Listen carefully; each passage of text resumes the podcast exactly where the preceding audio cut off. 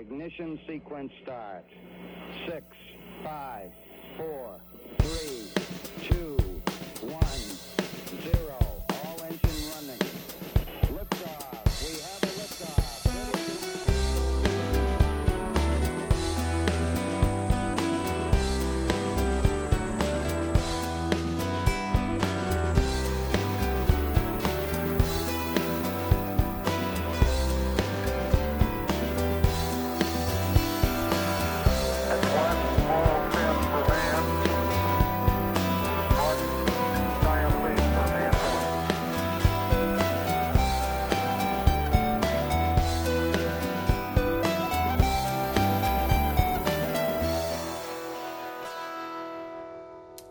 Hej och välkomna till eh, majnumret av Slottspodd som är en poddradiosändning ifrån Slottsskogsobservatoriet i Göteborg.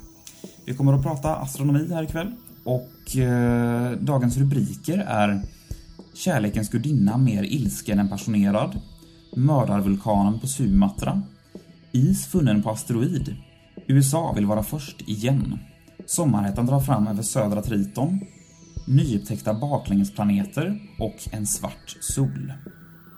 I studion idag sitter Gunnar Sporrong och Emanuel Blume.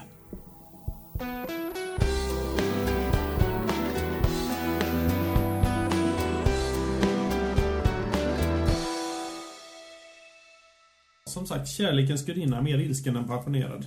Ja, ni vet ju det att eh, planeten Mars har, eh, har hållit rekordet när det gäller vulkaner i många, många år. Med Olympus Mons som faktiskt eh, är tre gånger så hög som Mount Everest och en diameter på ungefär 60 kilometer. Alltså det- näs, nästan från Göteborg till Uppsala. Just det, det är den, den största vulkanen man känner till i hela världen, eller på säga. Ja, hittills. Ja. Till för ungefär en vecka sedan. När den här rapporten skrevs. En dam vid namn Susanne Smrekar på Jet Propulsion Laboratory i Pasadena Mm. har berättat att eh, hon och hennes team har hittat ett område på Venusytan som eh, på Venus södra hemisfär som är eh, inte äldre än eh, 2,5 miljon och kanske till och med så lite som några hundra år bara. Det är lite svårt att åldersbestämma eftersom temperaturen på Venus är så pass hög. Och, och se atmosfären är så tjock så det är svårt att komma ner och... Ja, för, för vad, de, vad de fått göra nu det är att studera det här eh, området med infrarött ljus som kan penetrera de här molnen som är så täta. Men området som sådant, det är en sprickzon av en typ som man känner till runt vulkaniska områden, eh, även på jorden och eh, Mars också för den delen. Som eh, just den här sprickzonen har en diameter på faktiskt 2400 kilometer. Alltså vulkanen är större än Sverige på längden. Själva vulkanen är alltså större än Sverige. Vulkanens diameter. Oj, oj, oj. Ja, det var ju rätt rejält. Det är så, ja, förvisso är det väl så att Olympus Mons säkert håller höjdrekordet fortfarande, men diametern är ju Ja, enormt mycket större. Nu är det så, det här är förstås inte hundraprocentiga bevis, utan det här är första undersökningarna som man lyckas göra på det här området. Och data de hittills använt är ifrån eh, Magellansonden som var runt Venus på 90-talet. Mm, jaha, som att det är gamla data man har tagit? Gamla data som Okej. man studerat närmare nu då. Förhoppningen då är ju att eh, ESA, eh, Europeiska rymdorganisationen, ska försöka att eh, ja, bekräfta det här med hjälp av den rymdsond som kör runt Venus just nu då. Venus Express, eller? Ja, precis. Mm. Som går i omloppsbana. Så att eh, det är ju ganska bra tajmat att de eh, gjorde den här upptäckten på de här gamla data nu, för nu har de ju möjlighet att bekräfta. Mm. Dessutom så är det lite spännande om man hittar lavaflöden runt en annan vulkan. Som, eh, det här är lite mer tveksamt, men de här lavaflödena tycks ha en diameter på ungefär 1300, alltså 1300 kilometer. Och om det nu stämmer de här data, så har vi en vulkan som är lika stor som en tredjedel av hela Venusytan. Jösses, som hela Eurasien. Ja, precis. princip. precis. Och ehm, det, det kan ju faktiskt vara så med tanke på att Venus har en så tät atmosfär och så pass hög värme, eller så pass varmt vid ytan, så är eh, själva ytstrukturerna på Venus ganska tunna. Det vill säga det som ligger ovanpå ma- magman är ganska tunt. Så när det väl händer något så kan de här vulkanutbrotten sannolikt vara mycket, mycket mer våldsamma än eh, någon annanstans i solsystemet. Ja, då ligger eh, Eyjafjallajökull i lä, eller ja, Ja, jag lär mig aldrig uttala det där, men eh, Ja, det är, vi, eh, det- är ändå ganska tjock skorpa där, Ja. skulle man kunna tänka sig. Så att, eh, men som sagt, det återstår att se om det här verkligen stämmer, den sista där. ja. Okej. När vi ändå talar om vulkaner. Kan ni tänka er en vulkan som kan spruta ut 2500 kubikkilometer lava, eller motsvarande ungefär två gånger Mount Everest hela volym? Ja, det är rätt fett skulle jag vilja säga. Absolut. Och det roliga är att den här misstänkta vulkanen ligger faktiskt på Sumatra. Så det är en... Nu snackar vi jorden alltså? Nu snackar vi jorden. Okej, ja.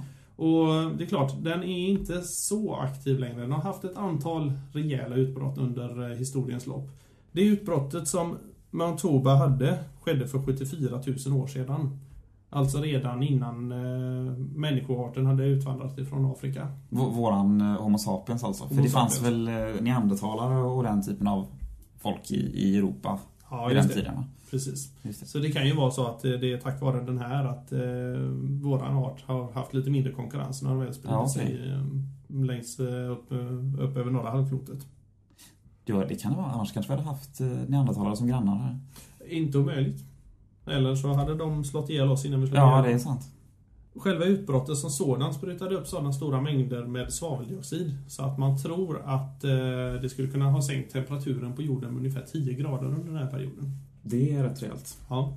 Säga. I, I tio år ungefär. Så, vil- vilket sannolikt gjort att eh, stora mängder med träd och sånt här dött ut under den här perioden och gräsmarken spridde sig på ett helt annat sätt än vad det gjort idag.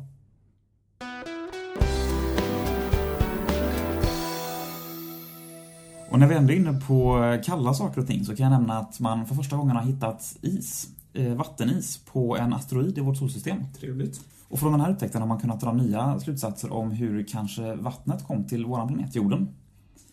Maria Sundin på Göteborgs universitet säger att eh, det här är absolut första gången vi har hittat vatten i asteroidbältet.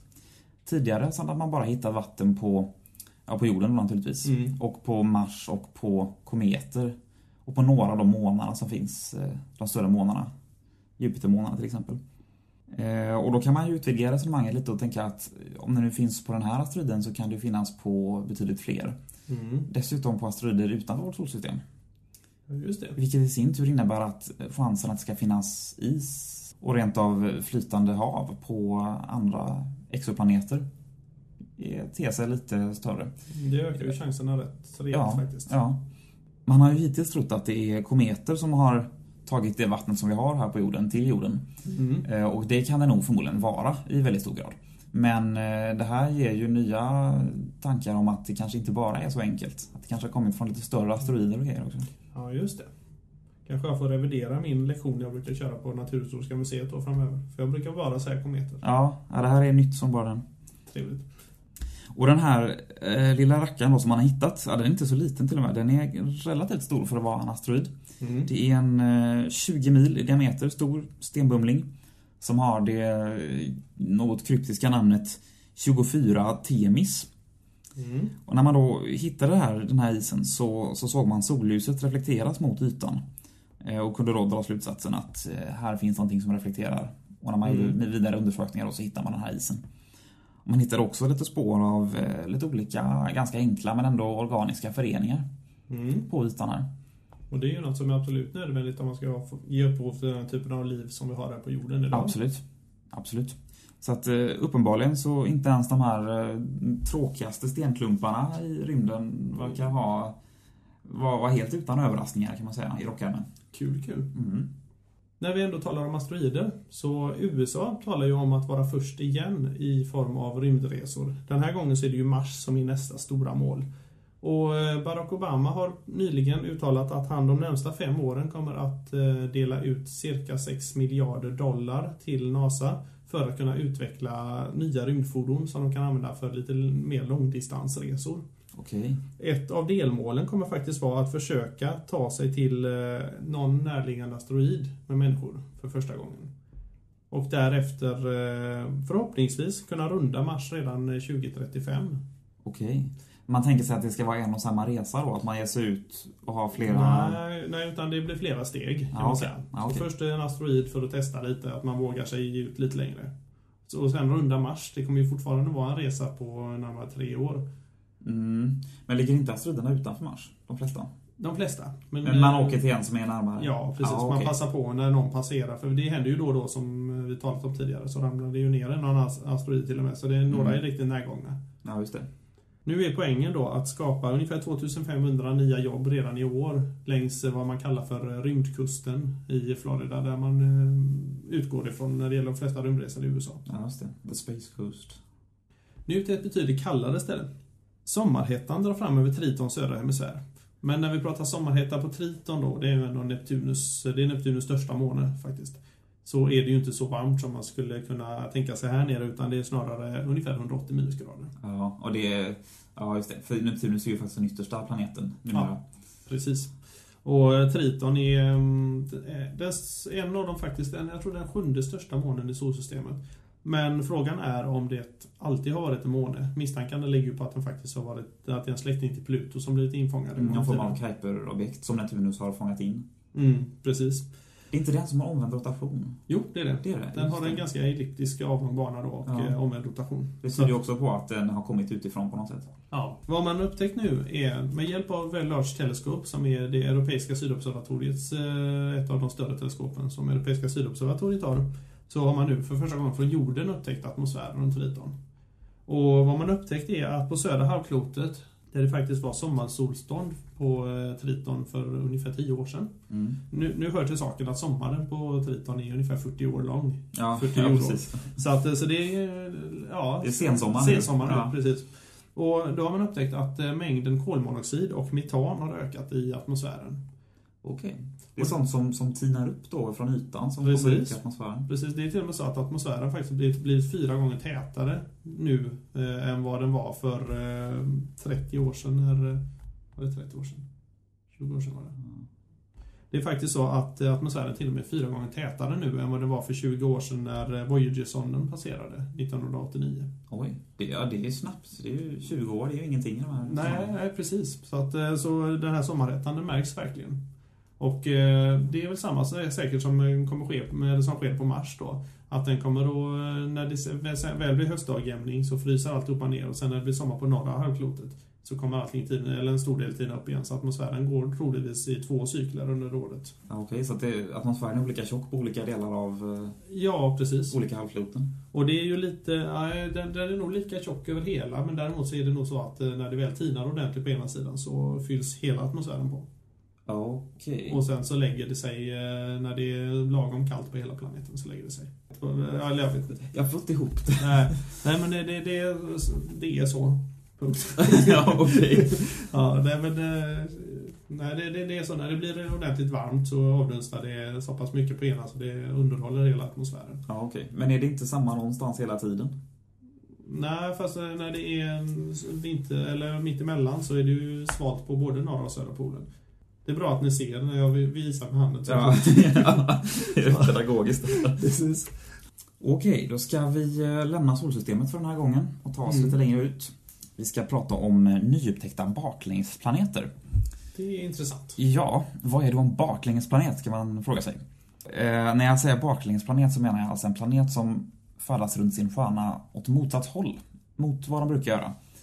Och vad, finns det då något håll som är rätt kan man fråga sig. Och det finns det ju. För när planeter bildas, så enligt den, den traditionella teorin som man väl tror fortfarande på, så bildas ju både stjärnan och planeterna ur ett stort gas och stoftmoln då, Mm. som, som, som klumpar ihop sig och bildar stjärnor, stjärnor och planeter. Och då, eftersom gasmolnet, skivan, snurrar i, i en viss riktning så fortsätter ju planeterna då att färdas i den här riktningen. Och stjärnan åt samma håll. då. Ja, precis. Stjärnan också. Eh, Men de här nya planeterna som man har hittat eh, går åt helt motsatt håll. Okej. Och den, det, det är ju inga småplaneter det handlar om utan det är stora gasjättar Mm. i Jupiterstorlek. Så man, och då, där brukar man ju tro att de, de bildas längst ut i solsystemet då för att det är bara där som gasplaneter kan bildas i och med att det, det får inte vara för varmt och sådär. Mm. Och sen har man ju tänkt då att ja, men då vandrar de inåt i solsystemet. Mm. Och det är så de hamnar där inne. Och när de vandrar inåt då så är det ju för att de blir knuffade och dragna av eh, andra planeter och sådär liksom.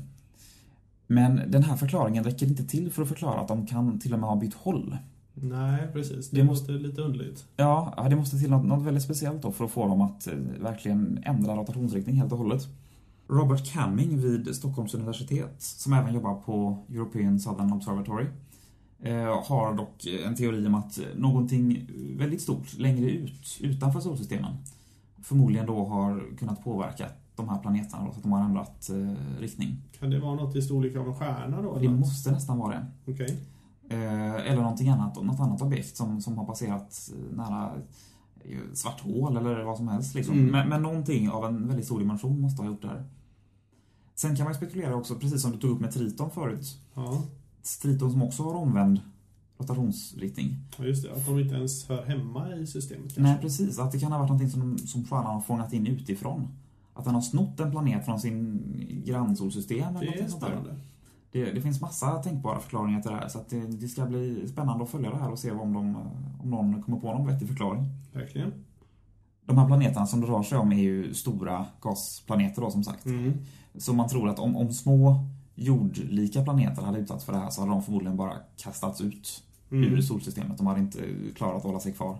Nej, just det. Utan det hade blivit en eh, ensam stackars liten eremitplanet ute i Ja. stora världsrymden. Och, och sådana finns ju faktiskt. Sådana finns ja, absolut. Precis. Så att eh, man har De är rätt spännande faktiskt. Ja, man, eh, man har ju spekulerat i att de kan vara en del av all den här mörka materian vi inte känner till. Mm. För det finns ju rätt mycket smått som inte håller sig kvar där det ska vara. Ja, objekt som kastas ut från, från solsystemen som, Mm. som man inte kan se. Är Precis. så, man, det är ingenting som lyser på dem helt enkelt, för att de, de är mörka. Nej.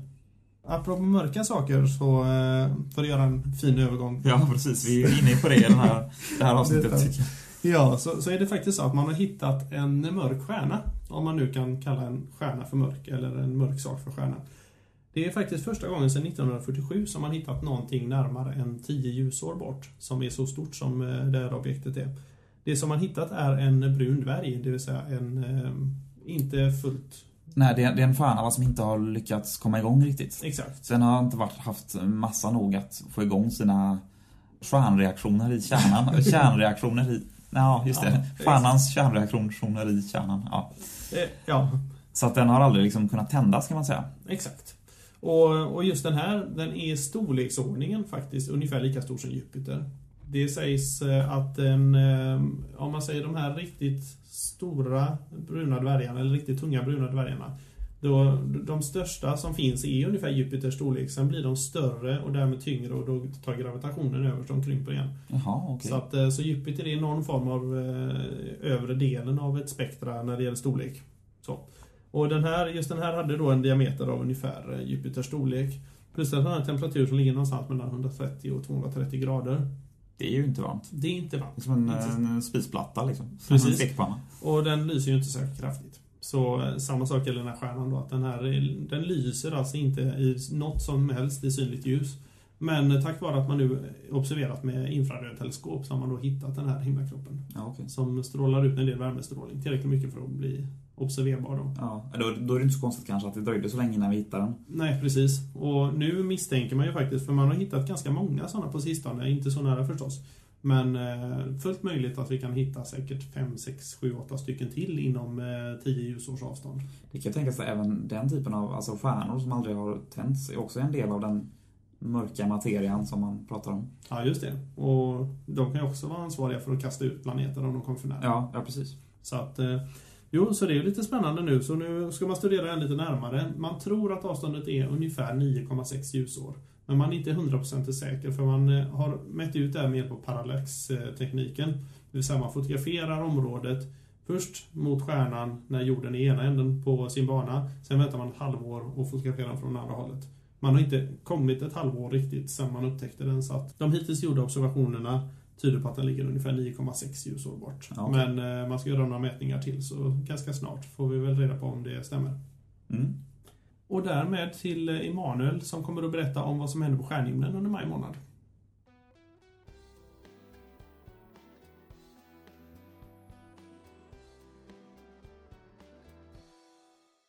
Då har vi kommit fram till stjärnhimlen under maj månad.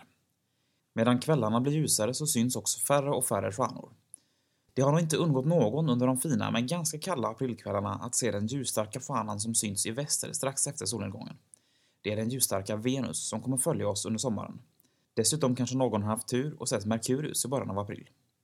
Så här års mörknar det sent, i början av maj runt 21.30 och i slutet av maj cirka 22.30. Stjärnhimlen i början av maj ser ut som följer. Har du tur så hinner du i början av månaden se Betelgeuse i Orion i väster innan den går ner strax efter klockan 11. Nästan rakt ovanför den ligger tvillingarna. Tittar du rakt till höger om tvillingarnas huvuden lyser stjärnan Capella i kusken. Nästan rakt nedanför Capella finner du Venus som lyser starkast i väster så här dags. Till vänster om tvillingarnas fötter ligger den starkt lysande stjärnan Procyon. Till vänster om deras huvuden syns planeten Mars. Den lyser svagare nu än i vintras, men fortfarande guldgult. Mars ligger just nu i en riktigt svag stjärnbild, kräftan. Den ligger i huvudänden på lejonet som är betydligt lättare att hitta. Lejonet ligger med huvudet i sydväst och bakdelen snett uppåt, nästan i söder, ganska högt upp på himlen. Tittar du rakt till vänster om Mars så ser du en intressant rad av ljuspunkter. Raden är gles och sluttar snett nedåt mot söder. Först ut till vänster om Mars har vi stjärnan Regulus, starkast i lejonet. Till vänster om Regulus ligger planeten Saturnus, nästan i söder. Fortsätter vi snett neråt ungefär lika långt så finner vi stjärnan Spika i Jungfrun. Går vi nu återigen snett uppåt, aningen längre än förra hoppet, når vi stjärnan Arcturus i Björnvaktaren, som bildar en nästan liksidig triangel med Saturnus till höger och Spika nedanför de båda. Till vänster om denna triangel, en bra bit bort mot ost-nordost, ligger stjärnan Vega i Lyran. Den lyser starkt och har en granne nedåt mot norr, Deneb i Svanen.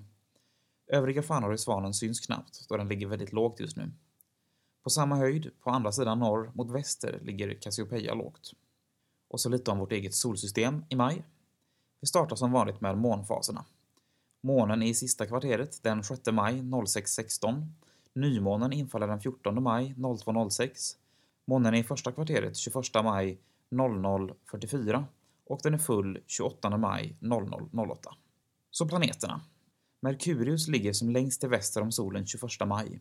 Trots detta går den på grund av sin dåliga vinkel i förhållande till solen upp nästan samtidigt med solen och kommer inte vara synlig för blotta ögat.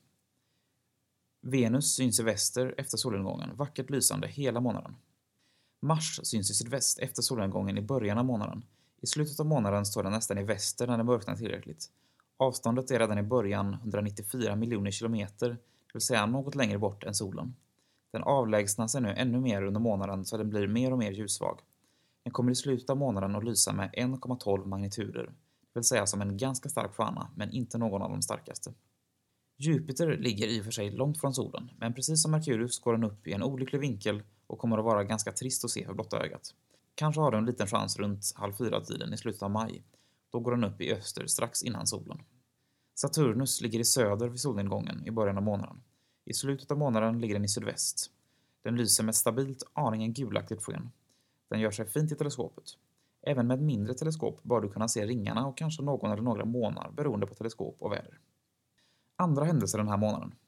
Natten mellan 8 och 9 maj passerar månen ganska nära ovanför Jupiter. Strax efter halv fem på morgonen 9 maj har du en acceptabel chans att se dem ganska nära varandra.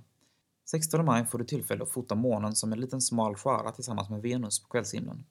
Titta i väster så tidigt som möjligt efter solnedgången, då månen avlägsnar sig snabbt under kvällen.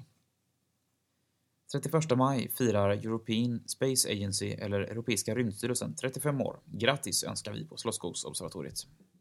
Vad som händer på observatoriet den här månaden? Stjärnhimmelsvisningarna är nu slut för säsongen. Vi har enstaka privata förbeställda visningar några sena kvällar, plus att vi visar solen för skolklasser som beställer tid. Söndagen den 16 maj ordnar Göteborgs astronomiska klubb med föredrag. Kay Justannant, docent i radioastronomi på Chalmers och Onsala radioobservatorium, berättar på temat Cosmic Recycling. Observera att föredraget är på engelska. Ordinarie inträde gäller, det vill säga 40 kronor för vuxna och 30 för ungdomar. Medlemmar går gratis. Några saker värda att markera i kalendern är att vi kommer att anordna meteorobservationer tillsammans med Göteborgs botaniska trädgård den 11 augusti. Vi observerar utanför fiket. Vi kommer också ha öppet under Way Out West 12-14 augusti. Ungdomar under 25 år kommer gå in gratis. Öppettider annonseras senare. Och om du inte hunnit få nog då så kör vi dessutom en fladdermus och månexkursion under augusti månad i samarbete med Göteborgs naturhistoriska museum. Mer om detta senare. Är du sugen på att komma till observatoriet trots sena kvällar fixar vi specialvisningar i mån av personal. Visningarna blir rätt sena och kostar 550 kronor per timme på vardagar. Skolor har viss rabatt. På dagtid går det att beställa solvisningar samt visningar på teman som spektroskopi, optik eller planetpromenaden. Allt sånt används på 031 12 63 00. Du har lyssnat på Slottspodd, en poddradiosändning från Slottsskogsobservatoriet i Göteborg. Gå gärna in på vår hemsida, www.slottsskogsobservatoriet.se eller ring oss på 031 12 63 00 om du undrar någonting. Klara skyar.